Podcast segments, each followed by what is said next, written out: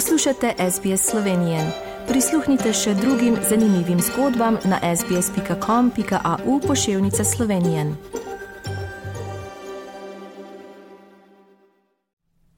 Prijazen pozdrav, spoštovani rojaki. Predsednik vlade Robert Golok je v petek prispel na prvi delovni obisk v Kijev, kjer so ga sprejeli predstavniki ukrajinskega državnega vrha, vključno s predsednikom Volodimirjem Zelenskim. Za slovenskega premjera je to prvi obisk Ukrajine po prihodu na oblast, njegov namen pa je potrditi podporo Slovenije državi, ki je od februarja lani žrtev ruske agresije. Želimo izkazati politično podporo v luči vsestranske pomoči Slovenije v Ukrajini v teh težkih časih ruske vojaške agresije. Želimo tudi potrditi našo zavezanost politiki o zemeljske celovitosti Ukrajine v okviru njenih mednarodno priznanih meja. Zagotovili bomo nadaljno humanitarno pomoč in prispevali pri povojni obnovi, so o premjerovem prihodu v Kijev sporočili iz njegovega kabineta.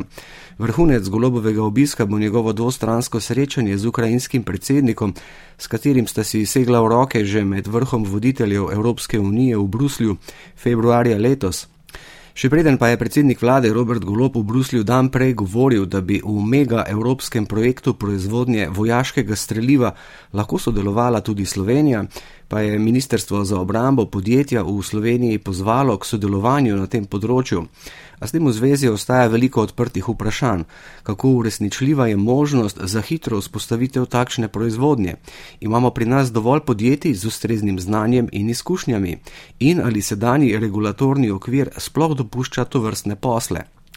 Želja, da bi se Slovenija tudi z lastno proizvodnjo dejavno vključila v 4 milijarde evrov vredno skupno evropsko proizvodnjo topolskega streljiva za Ukrajino, je legitimna, ni pa jo mogoče uresničiti čez noč, menijo strokovnjaki.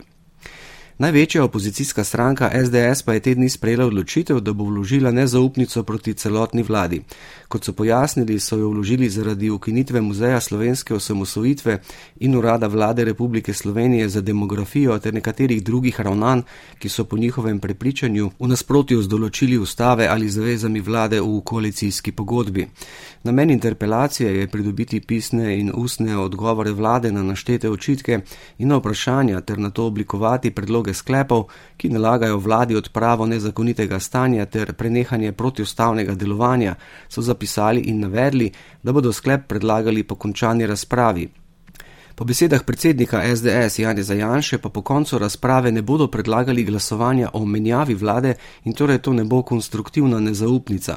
S to razpravo v državnem zboru želimo razložiti vladi nekatere stvari, ker ne verjamemo, da prav vsi člani te vlade in poslanci tega ne delajo iz neke ideologije, ampak temelji na nepoznavanju dejstev in napačnih ocenah, je dejal in dodal, da verjame, da bodo zatem vlada nekatere sporne poteze preklicala. K razumu se pozove tako, da se parlamentarne stranke usedemo za mizo, ovrednotimo tisto, kar je pomembno za družbo, davčna, pokojninska in zdravstvena reforma, se je na Janševe besede odzval podpredsednik vlade in zdravstveni minister Daniel Bešič Loredan. Napovedal je, da je vlada tista, ki išče in bo iskala konsens glede reform. To je povedal tudi koordinator levice Luka Mesec. Ta vlada je tukaj, da izpelje reforme, ki so bistvene, da Slovenija postane uspešna, solidarna in uprta v prihodnost. Pri tem nas manevri ne bodo zmotili, je navedel in nekatere navedbe SDS zapisane v interpelaciji. Vlada je na seji ta teden sprejela odgovor na interpelacijo in vse navedene očitke v celoti zavrača kot neutemeljene. Za konec pa samo še povabilo k spremljanju največjega zimsko-športnega dogodka v Sloveniji. Če imate možnost in priložnost, si lahko ta konec tedna ogledate katero od treh tekem finala 44. sezone svetovnega pokala v smučarskih skokih v Planici ker sodeč po treningih in kvalifikacijah, ko so bili na vrhu kar trije slovenci, bo spet izjemno spektakularno in nepozabno. To so bile novice za danes. Pazite na se in vse lepo do našega naslednjega slišanja za SBS ali Šlednik. Želite slišati sorodne zgodbe? Prisluhnite jim preko Apple ali Google podcasta, preko aplikacije Spotify ali kjerkoli drugje.